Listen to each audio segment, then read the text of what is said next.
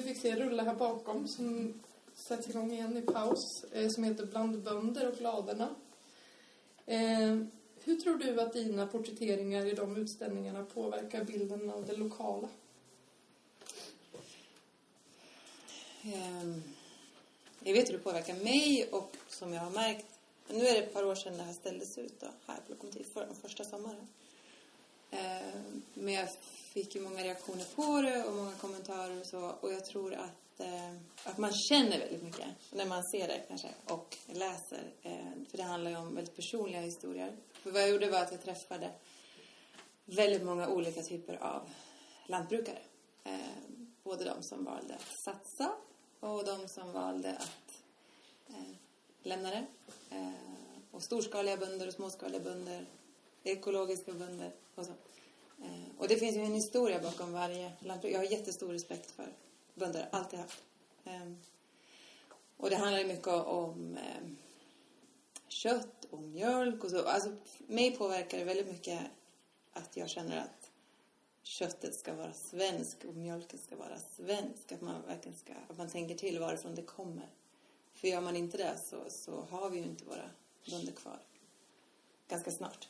Um, för i Hälsingland så har tre fjärdedelar av alla lantbrukare försvunnit sedan 60-talet. Så det har hänt jättemycket, jättesnabbt. Um, svarar jag på frågan? Får återkomma. Ungefär så. Ja. ja. Eh, Ylva, du är landsbygdsutvecklare och ekonomihistoriker. Eh, du har skrivit i en krönika som jag har läst att, eh, jag tror att jag citerar rätt nu, efter regn kommer solsken och efter finanskris kommer lokala valutor. Ehm. Vad skulle du säga händer med ett samhälle som lever med en lokal valuta? Mm. Ja, ett samhälle som lever med en lokal valuta har antagligen just, eller genomlever antagligen också en kris. Eh, för ja, vad jag har sett så det finns många små lokala valutor överallt men eh, de som har blivit stora har blivit det för att den vanliga ekonomin har kollapsat på något vis. Um, ja. Någonting som kan hända är ju att eh, folk börjar återuppbygga sociala relationer och eh, nätverk och eh, vad säger man, communities. Um, alltså, jag var i Buenos Aires 2002 råkade jag vara där som 16-åring när deras eh, ekonomi hade kollapsat. Och sen har jag återvänt dit för att eh, studera mer vad som egentligen hände. Och någonting som hände var ju liksom där i den här mega stora staden där folk ju totalt tappat kontakt med sina grannar. Att det blev såna här eh, liksom, grannskapsföreningar där människor började så här Åh oh, gud, jag, har inte, jag kan inte gå till läkaren liksom. Jag, det, det, går inte att få ut pengar ur automaten och mitt kort funkar inte längre. Men jag måste till en läkare. Vart finns det en läkare? Oj, det bor en läkare i mitt hus. Ja, ja jag är ju eh, frisör. Hör du läkaren? Kanske du behöver klippa håret? Ja, ja, kanske, men jag kan ju hjälpa min granne. Liksom, det är någonting med, med relationerna som stärks. Eh, och sen Frågan är hur mycket som finns kvar av det där sen när liksom, det återgår till det vanliga. Men någonting man sett i Argentina i alla fall var att det var många kvinnor som gick från att vara hemma till att starta mikroföretag och, och sådär. Så ja, det, det verkar hända en del mm. saker. Ja. Mm. Eh, Björn, du är forskare och författare. Du har bland annat skrivit en bok som heter Omställningens tid. Eh, och där, nu ska jag citera även dig, att du säger att verklig förändring byggs på lokal nivå. Sagt apropå dagens tema. Varför tror du att det är så? Ja, alltså det... Jag tycker det har funnits en övertro under ganska lång tid på uppifrån och ned lösningar och det märks bland annat i klimatpolitiken. Det har funnits en väldigt stark tro på den här, alltså att man ska framförhandla det här eh, banbrytande globala klimatavtalet om eh, radikala utsläppsminskningar och sen då i nästa steg så ska, man, ska det här då genomföras bland ja, världens länder, världens befolkningar. Och så får vi aldrig det här avtalet. Alltså nu, har man ju för, nu har man ju förhandlat i över 20 års tid och ja, det kom ju ut någonting av Paris men ändå inget bindande.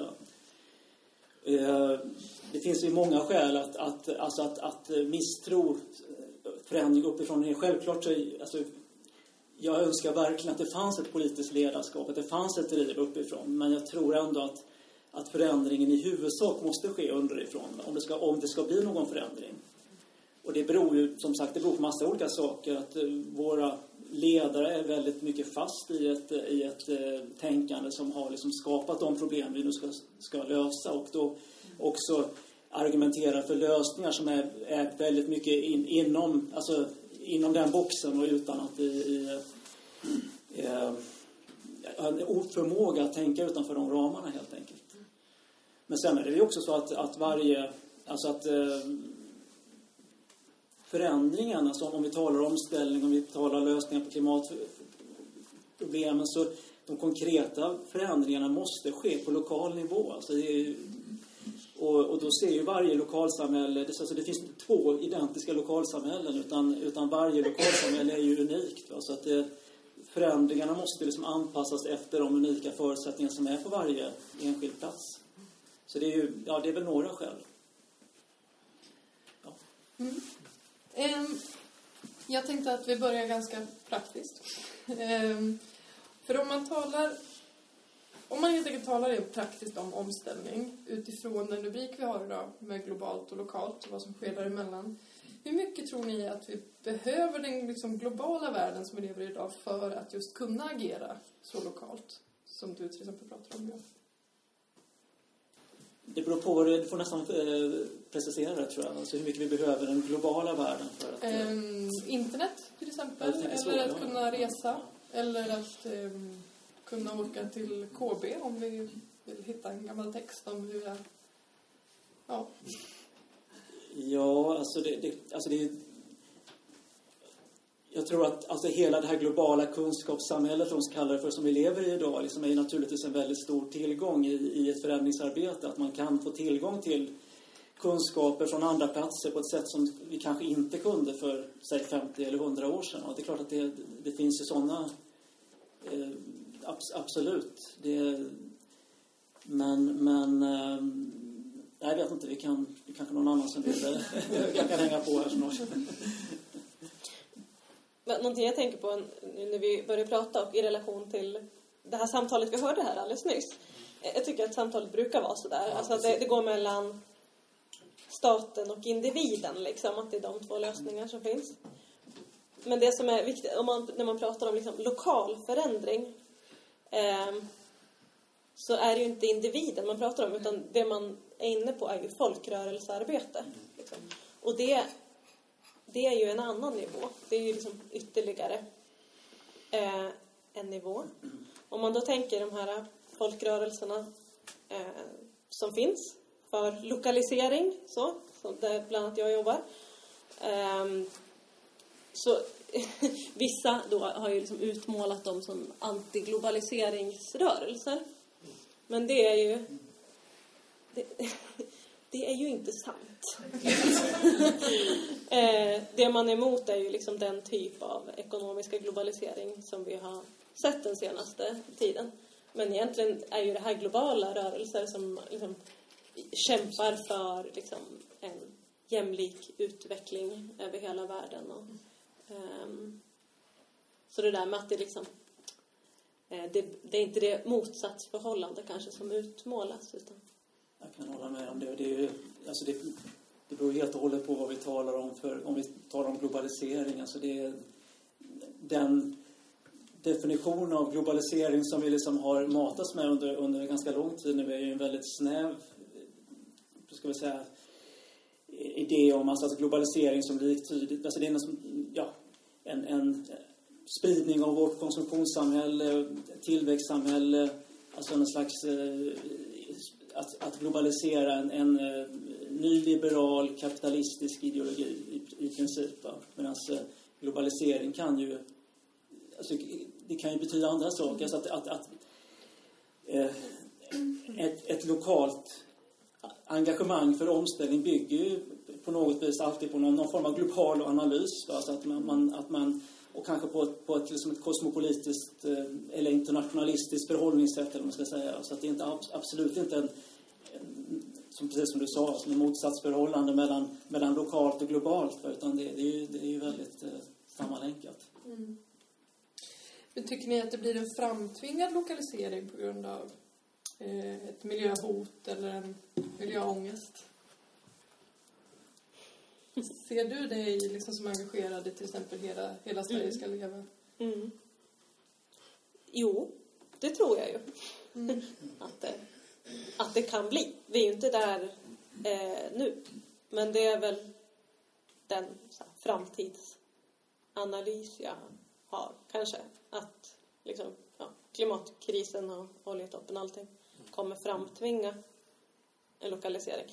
Och det vet man ju inte om det, alltså, eh, om det blir någonting dåligt eller någonting bra beror väl på vad vi gör av det och på vilket sätt det, alltså vad vi har för verktyg att hantera det, för så här, beredskap, för inställning. Mm. För, ja, I mitt perspektiv, så, så här, ja, lokalisering, det är klart det kommer bli någonting jättebra när man ser en massa bra exempel, men samtidigt så, alltså, om det till exempel innebär en liksom sänkt materiell levnadsstandard så kanske det kommer liksom bli massa sociala oroligheter och liksom konflikter kring det. Mm. Vi kanske ska, jag vet inte, förtydliga vad vi menar med lokalisering också. Så att, eh, jag vet inte, som, ja, helt enkelt att man, alltså att mycket av det som idag sker i global skala alltså förs närmare oss själva, att ekonomin flyttar närmare oss själva så att vi i större utsträckning producerar våra förnödenheter, mat och annat, alltså i vårt, i vårt närområde än vad vi gör idag. va. Vilket inte är detsamma som att vi kanske att vi ska sluta oss mot omvärlden och att vi ska bli liksom, alltså lokalisering i meningen att något provinsialistiskt och liksom att man ska vara eh, bygga murar mot omvärlden, för det är inte det det handlar om. I varje fall inte, tror jag, som, som, som vi ser det här. Men, men sen med anledning av din fråga också så, så det är ju det är ju en viktig poäng också att skilja på liksom vad som är önskvärt och vad som är troligt och vad som är så att säga oundvikligt. Och, och jag kan se en massa goda argument för, för att alltså, stärka lokalsamhället och stärka den lokala ekonomin och så här som har att göra med liksom, ja, vad man känner inombords och, vad, och liksom vad som känns rätt liksom rent ja, ska säga, ideologiskt eller vad, vad man känner liksom inombords känns rätt. Att, att, att, att, att, att med starka lokalsamhällen. Men, men sen har vi, om man tittar i den andra änden så, så ser jag också det här som någonting alltså, ofrånkomligt. Precis som Ylva nu var inne på också. Alltså att det, när vi går en framtid till mötes med, med ökad resursknapphet så kommer det alltså oundvikligen bli så att, att mycket av det som idag sker i, i global skala kommer att... Alltså vi måste skala ner arrangemangen, alltså produktionen och så här. Eh, är hur mycket, hur mycket det han predikas om tillväxt och sådär om, om vi inte har energi, alltså fossil energi, annan energi för att hålla igång den här tillväxtapparaten, ja men då kommer det ju bli mera av lokala arrangemang. Alltså, så att vi, vi kommer inte att kunna upprätthålla samhället som vi har idag, alltså med en miljard bilar globalt och så vidare, intensiv trafikflyg och sånt.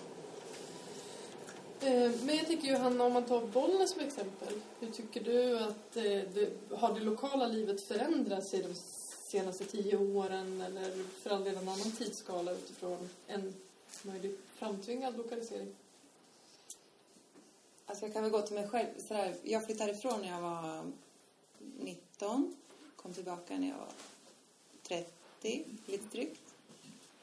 Ehm, och det jag märkte, om man nu pratar så här, det jag jobbar med, fotografera och dokumentera liksom. Hälsingland på många sätt. Eh, det jag märkte jättetydligt, det var väl att, att landskapet var väldigt annorlunda när jag kom så här hem igen. Ehm, för när jag var liten så har jag jättestarka minnen av så här, djur i hagarna och eh, man gick hem till grannbonden och drack mjölk. Och, nej, men det var en helt annan, helt annan situation. Eh, och när jag kom tillbaka och så där ville ge mina barn allt det där, då, då fanns det inga djur i hagarna och eh, de här ladorna var eh, förfallna och det var en helt annan, ja men ett helt annat lokalt lands, en helt annan lokal landsbygd. Eh, som jag reagerade på, för att det blev väldigt sådär påtagligt för att jag hade varit borta och så kom jag tillbaka och så bara plötsligt var allt förändrat. Eh, och det kanske inte går att stoppa, det är ju en del av utvecklingen. Men det blev väldigt sådär, ja, tydligt att det var en sån skillnad. Växte andra lokala initiativ eller engagemang eh, trots liksom det du såg? Alltså det är ju eh, en jättekreativ bygd, Bollnäs. Otroligt. Så här som jag slogs av när jag flyttade hem igen, att det finns jätte, jättestort engagemang för lokala poster och grupper här och där. Eh, som jag är väldigt så här, fascinerad av. Främst när det gäller kultur. Jag jobbar mycket, rör mig i de kretsarna. Eh, mycket vilja och så. Eh, och jag tänker också där, en del av så här att världen går samman och blir mindre. Det är också en del av information, tänker jag. Hur lätt den är att ta till sig idag. Det händer jättemycket. Vi kan läsa om saker som hände där just då. Och så här. Fem minuter senare så vet vi det, eller vi vet det direkt. Um, och det är också väldigt intressant, för det tror jag gör mycket med det lokala. Mm. Um, och så exempel på saker som inte funkar någonstans. Då tror jag man blir ganska stark i så här, sin lokala hembygd. Att man tänker att nu ska vi ta ett initiativ och göra det bättre. Eller så här. Vi behöver de här även om jag önskar att de inte fanns, men man behöver kanske de här hemska bilderna på någon eh, eh, fabrik som bara massproducerar saker och, och de här hemska bilderna på fruktansvärd djurhållning till exempel eh, som finns ute i världen för att förstå vad, man, vad som finns lokalt och vilken skatt det är och att man ska vårda det. Eh, och det är också en del av att, att, att, ja, att informationen ändras då. Det tror jag kan vara väldigt positivt för engagemanget, inbillar jag mig. För mig i alla fall är det så. Mm. En sak som vi ofta återkommer till, eller har återkommit till i alla fall under de här budkavlekvällarna är en slags fråga om språk. Det hörde vi också i den första texten. Um, hur vi talar om naturen eller om förändringar i miljö och klimat. Um, hur tycker ni att vi talar om omställning idag, Ylva? Svårt att säga. Jag vet inte hur mycket det talas om omställning liksom i, generellt i Sverige. Om man hör ordet omställning då kanske folk tänker på så här när man blir uppsagd från industrin och ska hitta ett, ny, ett nytt jobb eller sådär. Men den omställning som, som jag jobbar med är någonting annat. Eh, och där man kanske försöker hitta ett språk och där det kanske är lite problematiskt också, eller märker jag, för vi har ju som vi har ju den här liksom eh, nya folkrörelsen med små omställningsgrupper överallt. Och sen finns det också i den svenska byarörelsen finns det liksom sedan länge massa byar som jobbar med hållbarhet och så här. Och jag märker ju bara liksom inom den här breda rörelsen att man kanske missförstår varandra och det blir kulturkrockar på grund av språket. Eh, en sak som vi höll på att prata om på något möte här för några veckor sedan var eh, lite så unga omställare från Järna som liksom tyckte så att alltså, hållbarhet är ett riktigt dåligt ord. Det är resiliens vi ska eh, prata om. Så och så var det väl som lite andra människor som kämpat för hållbarhet liksom sedan 70-talet som bara vad är det här för liksom akademiker språk, resiliens, eh, jag kan inte uttala ordet. Liksom. eh, så man kanske försöker skapa ett språk liksom för att kunna prata om de här viktiga sakerna men samtidigt så kan det bli ett hinder att skapa ett nytt språk, att det nästan blir som en subkultur liksom, där man nästan eh, andra kanske upplever att det är ett sätt att ta avstånd. Liksom, att, ja, vi omställare, vi kan ju de här liksom, eh, akademiska orden. Och, mm. Jag kan bara hålla med.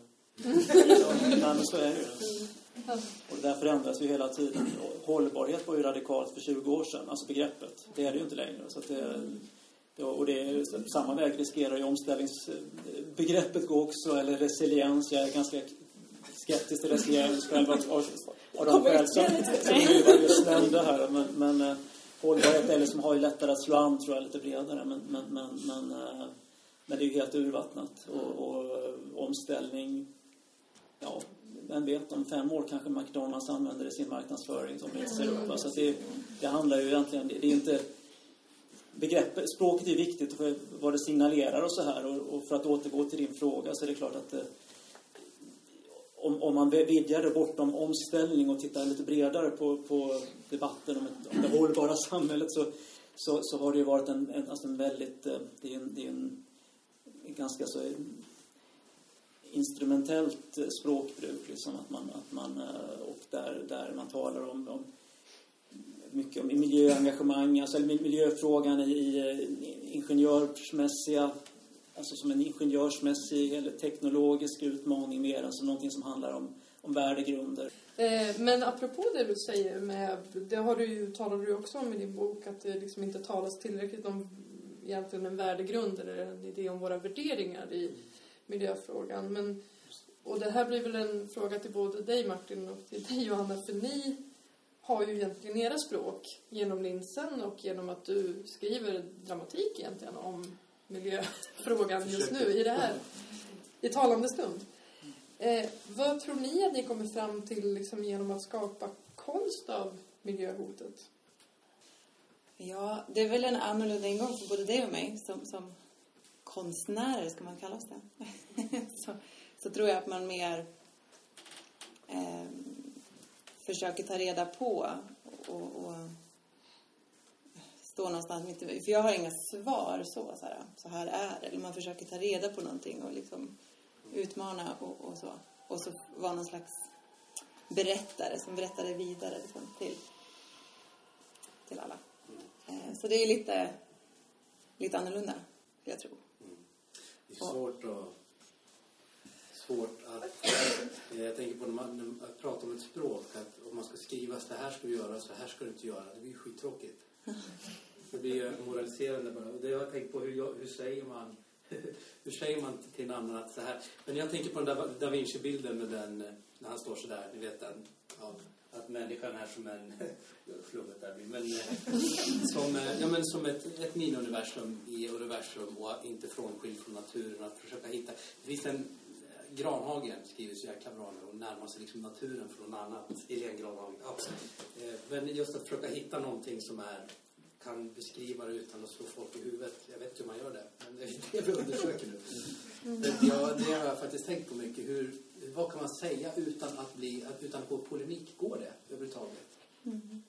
Jag tänker i alla fall en sak. Ehm, eh, jag var liksom engagerad i miljörörelsen sen jag var barn. Nå någonting som är lite nytt med omställningsrörelsen som miljörörelse är väl det här, alltså att det kanske miljörörelsen har upplevt mycket som nej-sägare. Att det liksom, eh, man är emot det här vanliga sättet. Medan det omställningsrörelsen försöker göra är ju liksom att, att leva en vision. Inte, inte säga nej utan så här Hörni, vi som bor här tillsammans, vore det inte coolt om vi liksom satte upp solpaneler så vi har vår egna el så spelar det liksom ingen roll vad som händer med oljepriset. Det vore väl en nice grej liksom. Ehm, och, ja. och det blir ju en helt annan sak. Alltså. Det är ju det som känns här, lite härligt, att det är som en positiv kraft. Så. Det är mera, ja, leva visionen. Liksom. Mm. Och jag tror om, äh, att konsten är viktig där just för att här, få hem det på en väldigt, väldigt lokal nivå. Alltså att, att, man ska sitta hemma vid köksbordet och prata om de här sakerna. För det är ju jättestora, intressanta frågor. Men när jag ska ställa när jag sitter med mina vänner och diskuterar de här sakerna. Utan man, det är lätt att känna att det här pratar man om på en högre nivå. Att det kan vara lite sådär, någonting man inte riktigt kan nå eller påverka. Men alla är väldigt intresserade av det. Fast vi lever i det och då är det också så här, behöver man ta ett steg tillbaka kanske. Mm. Så jag försöker vara den där eftersom jag inte har några svar, jag försöker i alla fall vara en brygga och så här, skapa ett intresse att man kan prata om det här hemma och att det är lika viktigt där att skapa saker mm. som att göra det mm. som politiker. Eh, men det är ju på olika vis också sätt att påverka människor som ni alla är inne på genom sin konst eller genom vad man kallar det, omställning eller resiliens eller mm. eh, och jag vet att Björn, du har ju skrivit också och sagt att miljöhotet liksom inte, att det räcker inte som drivkraft med den, ehm, med den rädslan för samhällsförändring. Men upplever ni att det finns andra saker som är liksom mer lyckade drivkrafter som ni ser? Tror man behöver både och. Alltså man måste ha krisbilderna för att det ska överhuvudtaget liksom eh, kunna ske. Alltså ske något. Vi måste ha liksom en, en realistisk eh, föreställning om vad vi står inför för utmaningar. Men sen räcker ju inte det liksom, utan det behövs ju någonting. Alltså vi måste också bygga hopp på något vis. Va? Alltså så, så att vi behöver också visionerna som man ska kalla det för någon slags eh, drivmedel. Så att det behövs både och. Problemet idag är ju att vi, att vi det, finns liksom inte Alltså det problemet idag är ju, är ju tron att vi kan lösa det här, de här stora utmaningarna inom ramen för liksom samma tankebanor som har skapat problemen i första rummet. Va? Och, och, alltså jag tror att man måste jobba både med att vara väldigt tydlig på att, att det här går inte, att vi kan inte lösa resursknapphet, resursväggar med tillväxtsamhällets svar, utan det, det behövs någonting annat. Va? Men vi måste vara väldigt tydliga liksom i, i vår, alltså, att, alltså en, en, ska jag säga, en, en väldigt eh, alltså osensurerad eh, beskrivning av, av, av den krassa, de, de utmaningar vi står inför. Och det är ju inte, det är liksom, det är ju, det är ett ganska tufft budskap. Men sen, sen utifrån detta liksom se vad kan vi göra åt situationen på, på, på bästa sätt liksom möta de här utmaningarna och kanske också på, på, faktiskt på vägen skapa ett bättre samhälle. Kanske ett bättre samhälle än vad vi lever i idag. Va? Så att, Men hur... För det första du säger där, att ändra de tankebanorna är ju eh, en långt mer dramatisk sak att föreslå för någon. Att Mm. verkligen ändra hela systemet. Ehm, Vet, när vi träffades innan Ylva så, så, så refererade du till att du hade läst Foucault.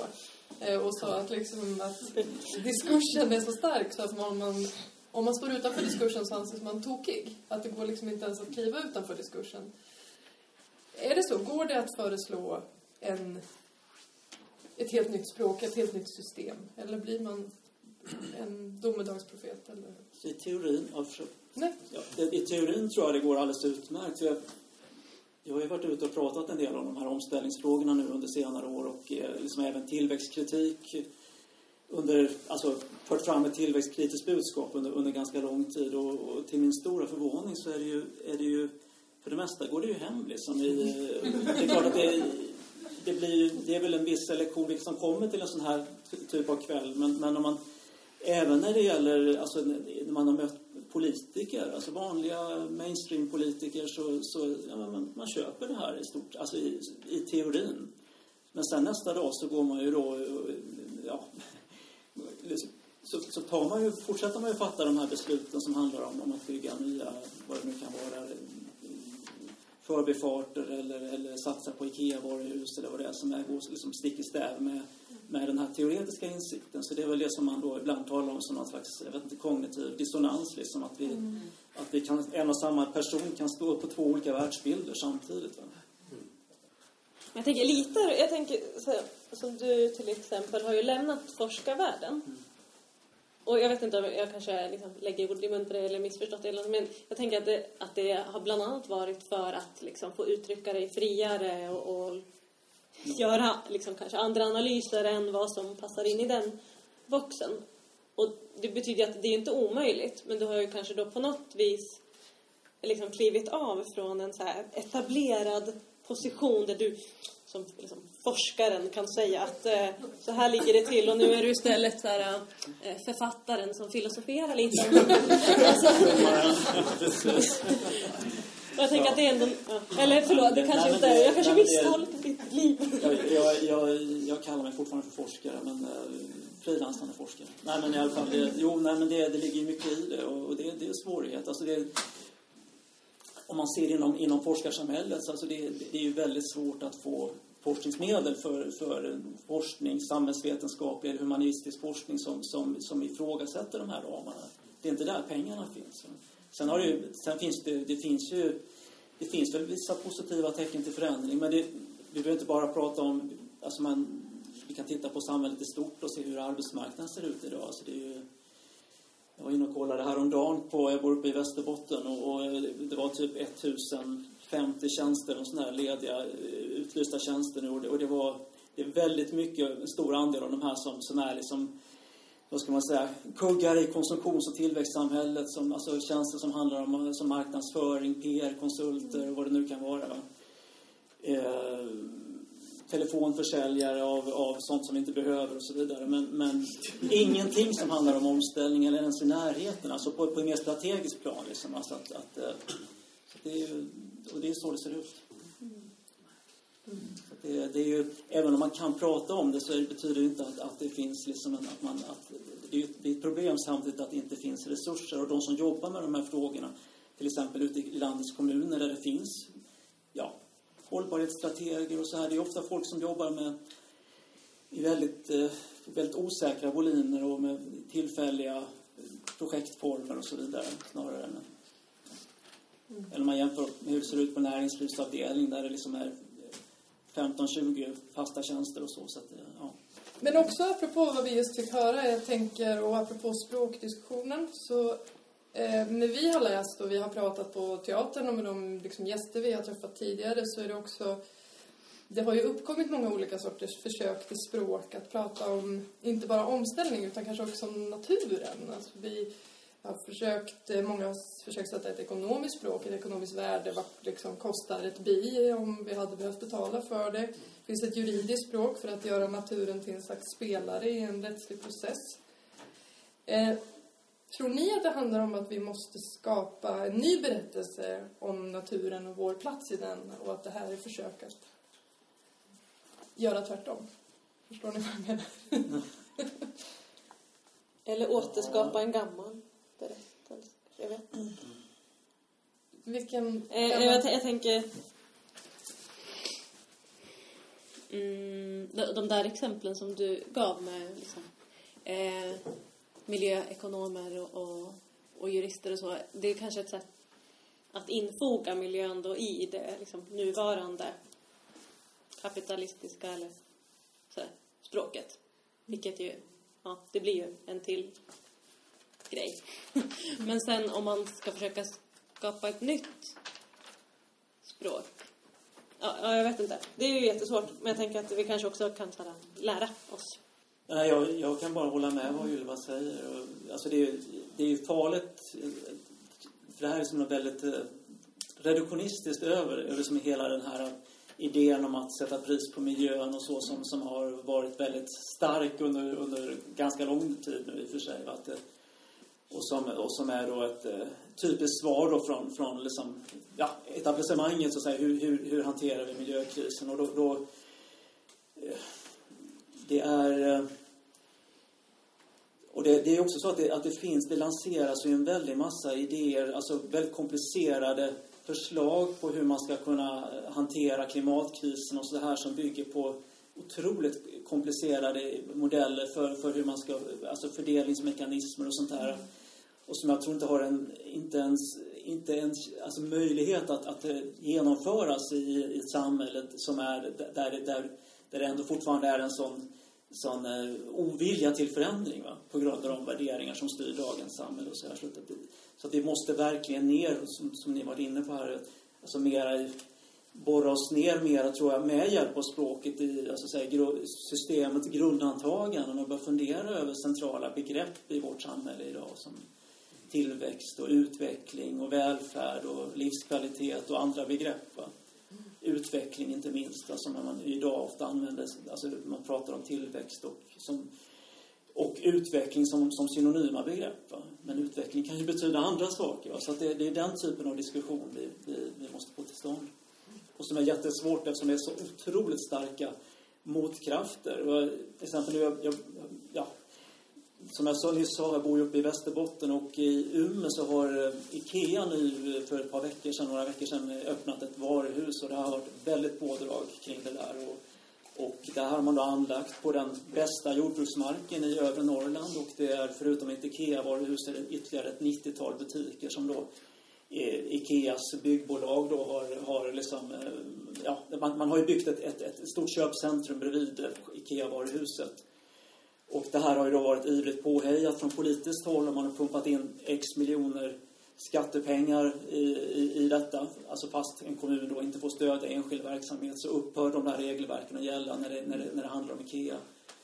Och eh, det här har lanserats som en hållbarhetsretorik. Alltså, så att, eh, det, det heter att IKEA-varuhus är, ett- är ett viktigt led i arbetet för ett hållbart samhälle. Och det är ju, det är den typen av, av eh, motkraft jag ser. Det är väldigt, alltså väldigt svårt att utmana rent språkligt när det är en sån obalans i, alltså i ekonomisk makt. Gissar jag att de där butikerna bredvid är också väldigt stora kedjor. Eller? Dessutom Det är inga få lokaler utan det är bara kedjor. Och där är det lite samma tänker jag med så här lantbrukare och eh, butiker. Lantbrukare går mot att bli eh, väldigt stora, mycket färre. Och det är faktiskt samma i handeln. Så här, nya butiker som kommer till Bollnäs nu, det är ju inte de här små som poppar upp. De blir inte långlivade utan det blir de här stora kedjorna. Det är alltid något som offras liksom, på Precis. Vägen. Jag gick ju runt i Bollnäs idag och kunde till min glädje se att det var ganska mycket butiker som inte var kedjor här. Ja, men det finns fortfarande. Det gör det. Och vi,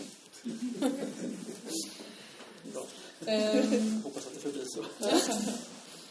Eh, under de här samtalen så har vi också ofta återkommit till en slags eh, tankelek att vi tänker på hur kommer världen se ut om 30 år. Eh, 30 år har vi egentligen valt som ett exempel, det kan vara 40 eller 50 år. Men eh, hur tror ni att eh, liksom relationen mellan det lokala livet och det globala kommer se ut om 30 år i till exempel Bollnäs? jag vet inte, antingen blir, går det åt det hållet att det blir få stora aktörer inom olika.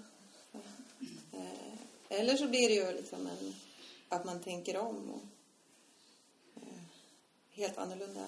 Jag kan, det kan jag tänka så här, för när jag gjorde projekt med bönderna, nu är det några år sedan. Eller jag gör, jag jag gör fortfarande lader, men som en intervju jag gjorde med personer och så. Där var det en ganska eh, svår stämning och det var en svår tid. Det är det fortfarande. Men jag tycker att det har så här poppat upp. Eh, det är en lite annan känsla idag när jag återkommer och och om jag träffar de här personerna igen och så. Man har liksom tänkt om och kanske de som har lagt ner sitt jordbruk har, har satsat på något annat istället. Och liksom att man blomstrar i något annat, någon liten lokal ekologisk verksamhet eller så. Eh, så det skapas ju så här fina initiativ ur sånt här också. Så det kan ju också ha vänt. Att, att det liksom... Det är mer av det bra som alla är ni med? Eh, ja, det kan gå hur som helst. Eh, Vi får se. Men jag här, om nu den här liksom, analysen ehm, stämmer att eh, om man tänker så här att utvecklingen hittills de senaste åren har gått liksom mot någon slags kulturell eh, monokultur liksom, i den kapitalistiska globaliseringen. Och, och som vi säger då att det här med klimatförändringarna och peak oil och, och så vidare och liksom finanssystemets ohållbarhet och så här faktiskt leder till att det blir någon slags kollaps då, som David Jonstad pratar om till exempel. Um, och att det då skulle leda till en lokalisering. Så jag tänker att den där lokaliseringen är ju just motsatsen till kulturell monokultur. Att det kommer bli en väldig mångfald liksom, i lokala lösningar. Och just den här mångfalden gör ju att det kan bli på jättemånga olika sätt. Den här mångfalden kan ju innebära att det är liksom lokalt väldigt starka aktörer som liksom ta makten i det lokalsamhället. Och, eller det kanske blir som något tribes liksom med någon stamhövding som bestämmer över de andra men på något plats kanske. Eh, på något annat ställe kanske det blir eh, någon liksom eh, direkt demokratisk lösning där eh, alla blir liksom jätteengagerade i liksom skapandet av sin jämlika utopi. Eller, alltså, ja, det, jag tänker att det kommer bli liksom alla lösningar och att det liksom det är det som är motsatsen till den här strömlinjeformade globaliseringen. Sen så kanske det inte alls blir så. Det kanske är så att några, liksom, de som har makten nu kommer ha liksom, sina jättebra strategier för hur de ska vidmakthålla den makten. Men, eh, ja. Det får vi se. Ja, det, är klart. Nej, det, det går ju inte med någon exakthet att säga vad som kommer att, kommer att ske om 30 år utan man kan göra liksom kvalificerade antaganden. Och jag tror att man, man får, ju, får nog räkna med att vi kommer att leva i en betydligt mer lokal värld om 30 år än idag. Alltså där vi reser mindre och kanske också konsumerar mindre än vad vi gör idag. Där vi producerar mer i vårt närområde. Vad som nu är det närområdet, det kan man ju diskutera såklart. Men, men eh, och att större del av befolkningen idag kommer att liksom ägna sig åt eh, livsmedelsproduktion och, och kanske att vi kommer att få se sådana tendenser i Sverige som vi redan ser till exempel i Grekland, alltså med det man talar om som återruralisering, att folk flyttar ut på landet och börjar, alltså att man flyttar tillbaka ut på landet. Va? En av, av urbanisering kanske man kallar det. Mm. Ja, precis. Men, men, men sen är det frågan, hur hamnar vi där? Och då kan man ju se, alltså det dystopiska scenariot är ju då som en slags business as usual, att vi inte är beredda att ompröva det nuvarande, vårt nuvarande konsumtionssamhälle och sådär. Då går vi ju, tror jag, en ganska mörk framtid till mötes med, alltså med sönderfall alltså av samhällen, av eh, att, att eh, alltså klimatförändringar kommer vi få under alla förhållanden och klimatflyktingar och så, men vi, vi kommer att... Eh, vi kommer säkert att... Alltså, om man säger det, alltså, om vi, om vi inte är beredda att förändra på någonting, då, då, då kommer det att bli mer, alltså ett, ett, ett, ett, då tror jag att vi kommer att se mer av konflikt, mer av motsättningar i, i världen. Och, alltså en helt enkelt, man kan säga en framskrivning av, av, av trender som vi redan ser i nuläget. Mm. Men det mer hoppfulla scenariot är ju att, att vi, att vi eh, gör någonting konkret åt det här. Att vi erkänner att här står vi inför stora utmaningar och att vi, ja, låt oss göra det bästa av situationen. Men, men det bygger ju också på att det finns en vilja att, att, att, att till förändring, alltså en mm. förändringsvilja. Då tror jag vi kan komma hur långt som helst alltså i, att, i att skapa ett bra samhälle. Mm. Så det, det, det är det som är utmaningen. Ja. Men om man kombinerar det förra ämnet vi pratade om, språk. Vi, eh, jag tror att det är Sverker Svelin som har eh, skrivit att eh, betydelser av saker i vår vardag har skiftat på olika sätt. Att det betyder något annat idag. Att, jag tror att han pratar om att äta köttsoppa eller boka hans mäster och se en bilreklam jämfört med vad det gjorde för liksom, eh, 20 år sedan kanske. Tror ni att andra saker kommer att ha skiftat i betydelse utifrån samma princip om 30 år? Och vad i så fall? det är det som är så svårt att förutse. Liksom. På vilket sätt man kommer vara hemskt omodern. Eller? Det finns ju 30 år för att vi, jag har en, en kurs för föräldralediga. Och då utgår vi från så här, 30 år framåt. Att man ska hela tiden tänka vad vill jag ge till mina barn när de är 30 år gamla? Vad, vad vill jag mm. visa för dem? Hur såg våran vardag ut? För det är så lätt att ta det så himla för givet. Liksom. Mm. Finns det ens snö om 30 år? Liksom? Alltså vi vet ju inte riktigt vad som kommer hända. Alltså. Um, så det uppmuntrar hela tiden. Okej, okay, passa på här och säga till alla. att det är jätteviktigt att fotografera sin vardag. För att det är lätt att tänka att så här kommer det alltid vara. Man tar det så himla för givet, sin vardag. Och så här. Men det är bara att tänka tillbaka 30 år. Hur såg det ut då? Det händer ju jättemycket. Och speciellt nu, jättesnabbt. Bara hur det ser ut i stadskärnan eller på landet. Mm. Så, ja, liten parentes. Men om man tänker apropå att fotografera sin vardag. Det, just de här två fotoutställningarna bland bönder och ladorna. Hur, och jag förstår att det bara är spekulation, det är det. Men om du skulle göra den om 30 år, vad tror du att du skulle fotografera då? Jag tror Hälsingland, då är Hälsingland för litet för att åka runt till jättemånga bönder. Jag tror inte att det finns så många kvar. Och det finns väldigt få eh, små bönder, tror jag. Så det blir svårt. Eh, ladorna står väl kanske kvar, några av dem, men de förfaller ju mer och mer. Eh, vilket också, jag pratade med någon här tidigare om det, vilket också är en ganska naturlig man kan heller inte begära att, att bönder ska lägga så och så många hundratusen på att renovera en lada liksom, som man heller inte sen kan använda, som inte fyller någon funktion. Så det är liksom en del av utvecklingen. Man behöver inte säga att det är negativt eller positivt, men det är liksom, så är det. Och det gör jag då, så här, dokumentera det helt enkelt. Men, ja. Jag tror tvärtom. Jag tror också tvärtom. Berätta.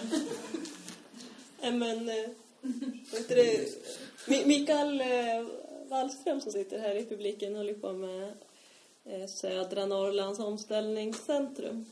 Ni har ju gjort någon analys. Hur många nya tusen bönder skulle det vara om några år? Nej men... eh, Nej men just, ja. Det blir massa Att- fler alltså. Ja, det kommer ju Men i en inte... annan form väl, tänker jag. Om man tänker liksom med olje, oljan nu då, som Ja. har pikat. Ja. Och det kommer bara bli dyrare och dyrare. Att liksom den här massiva importen av mat kommer inte funka. Nej. Och... Det når sin gräns. Ja, och det kommer bli liksom massa så här äh, kriser i transportsystemet, både med liksom klimatförändringarna och liksom naturkatastrofer och sånt där. Så att vi kommer liksom tvingas ha en högre självförsörjningsgrad och betala. Men det är ju. Så är det ju att det börjar ju äntligen bli en en slags insikt om det här i samhället. Alltså det, har, det har ju varit att prata om självförsörjning och sånt här har ju varit liksom nästan löjeväckande att använda det ordet. Men, där har det skett en förändring nu de senaste åren.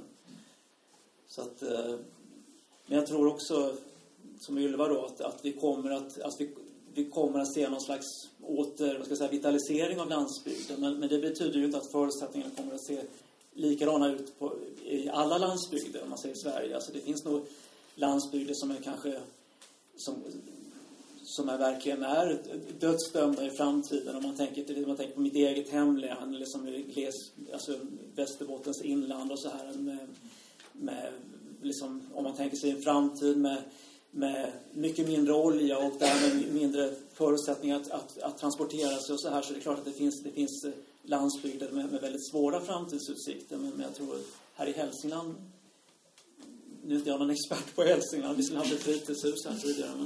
Men, men, eh, så lite grann kan jag om Hälsingland. Men, men det, nog tror jag att det, att det är... Jag har nog mer, en mer hoppfull bild i så fall. Men, Men är det kommer inte betyda att vi, att vi kanske går tillbaka till hur det såg ut på 50-talet utan det kanske blir andra, andra Mm. skärningslinjer, andra liksom... Och där, och där det blir mer av, jag menar, man kanske kommer se mer av uppodling inne i tätorterna och så här som... Mm. Så att det, ja. Men det är då har det ju hänt någonting ganska snabbt ändå. För det jag har med mig är ju det här intervjuerna jag gjorde då. Med, ja.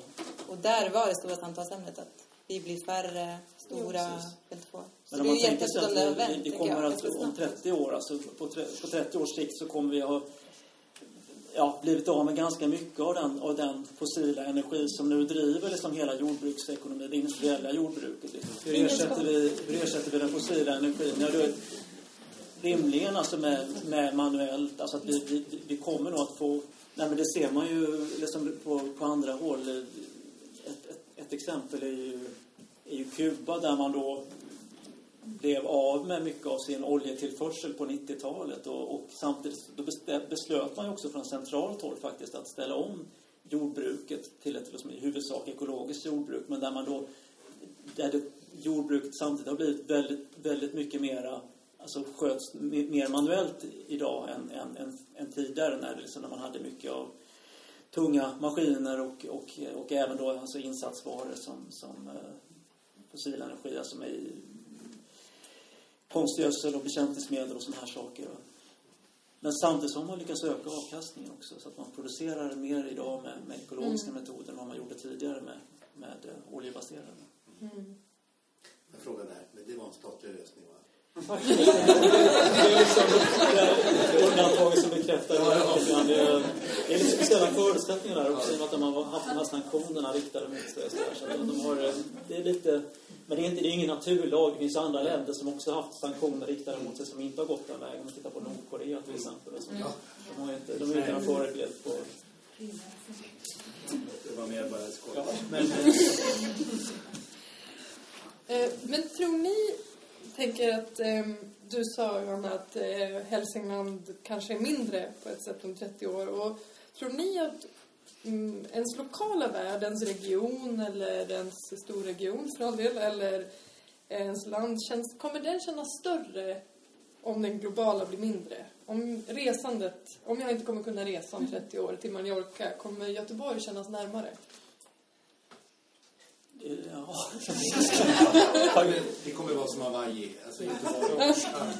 Så längre bort då kanske. Att Göteborg känns längre bort och därför lite exotiskt. Ja. Ja, kanske. Om det blir svårt att ta sig dit, tänker jag. Ehm, förstår ni vad jag menar? Men, Men då kommer man ju vara så här, om man inte kan flyga då lika mycket eller resa lika mycket långt bort, då kommer man ju vara så här mer eller mindre tvingad, vilket är ett nöje, men och, och se sitt eget land. Och det vet jag att jag tänkte på, för jag gjorde ett annat projekt jag gjorde, då åkte jag verkligen hela Sverige upp och hela ner och runt så. Um, och då var det ett jobb, ett projekt. Jag hade nog inte ens kommit på att göra det annars. Vilket är helt knäppt. Varför man väljer att åka så här så så många mil till ett annat land utan att veta sitt eget land. Så det kan jag se fördelar med också. Det Där kan vi snacka förändring alltså i, i modern tid. Jag håller faktiskt på att skriva en bok på det temat just nu, alltså om, om resandets förändrade förutsättningar från äldre tid och fram till idag och hur det kommer att bli i framtiden. Men, men jag har, inte, jag har liksom inga, inga svar så, men, men, men alltså att, det- att, eh, att det har skett en stor förändring i modern tid, det kan man ju se liksom bara om man går tillbaka 30 år liksom, eller 40 år och, och i synen på det här med, med flyg som idag vi ser som, som något så oerhört självklart att kunna flyga kors och tvärs. Både i vårt eget land och i omvärlden. Men, men alltså, så sent som på 70-talet så hade mer än, sven, mer än halva svenska befolkningen inte ens satt sig i ett flygplan. Va? Och idag, det har skett väldigt mycket på, på ganska kort tid och på ett sätt som vi inte riktigt reflekterar över heller. Alltså ganska sällan i varje fall. Jag tror att vi kommer att Absolut att vi kommer att resa mer med tåg i framtiden. Jag tror vi kommer att bli Europaresenärer igen. Och återupptäcka Europa. Men det bygger ju också på att vi har fungerande järnvägar. Och nu gör ju politikerna sitt bästa för att rasera det här. Man drar in nattågstrafik och sådana här saker. Men, men jag tror ändå... eh, Jag vill ändå vara hoppfull där på den. Ja. Men du, och du talade ju tidigare också om just möjligheten att vi inte kommer kunna resa på samma sätt. Hur, men tror ni att vår... Eh, hur, liksom, hur förändras vår världsbild av att inte kunna resa på det sättet? Man tar sig till en viss gräns med tåg. Mm. Kanske... Ja. Mm. Jag vet inte, jag undrar om liksom, det är svårt att säga, men om vi kommer acceptera, alltså så här, när nu ens eh, liksom, föräldrar och alla har liksom rest jorden runt, och man kommer liksom acceptera att, nej men, eh, jag åker liksom på semester till Hofors, eller om, jag, jag tänker liksom, eller för mig själv i alla fall, då, som har lidit av klimatångest länge, jag tar ju då tåget överallt och liksom åker och tåg till Turkiet och eh, håller på och liksom letar hur jag ska kunna ta mig med båt till Sydamerika och alltså jag undrar eh, ja, hur det blir. Det kanske eh, ja, det beror på. Det kanske liksom eh, blir för lyxigt att göra som jag tänker att man, det kanske blir folk kanske gör valet att göra längre resor under en längre tid då, för att liksom upptäcka en plats. För nu är det ju lite som att äh, jag tar en weekend till New York och går och shoppar lite och så åker jag hem.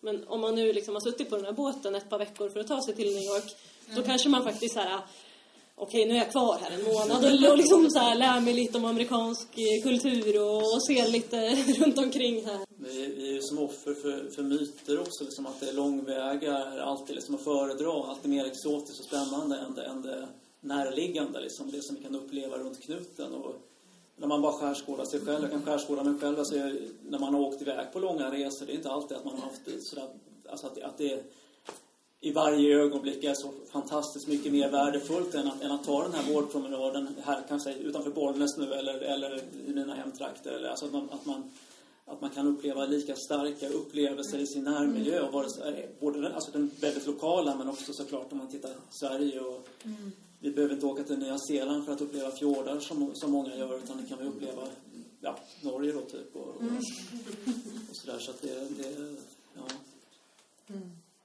Ja, men det är liksom en kollektiv myt det här alltså, som vi, som vi, vi, vi intalas. Liksom, att det, att det, vi måste åka långt för att det ska vara... Men om man tittar bara på vad man kan uppnå med tåg i en framtid. Alltså, om man tänker liksom bara runt Medelhavet finns, finns det ju liksom fantastiska kuster jämfört med om man, man behöver inte åka till andra sidan jorden för att, alltså till, till, för att uppleva fantastiska kuster. Alltså, eh, bad, badorter och så här. Utan det, det finns ju liksom inom tåg nåbart tror jag i en framtid. Skutskär. Ja, ja. Solsemester.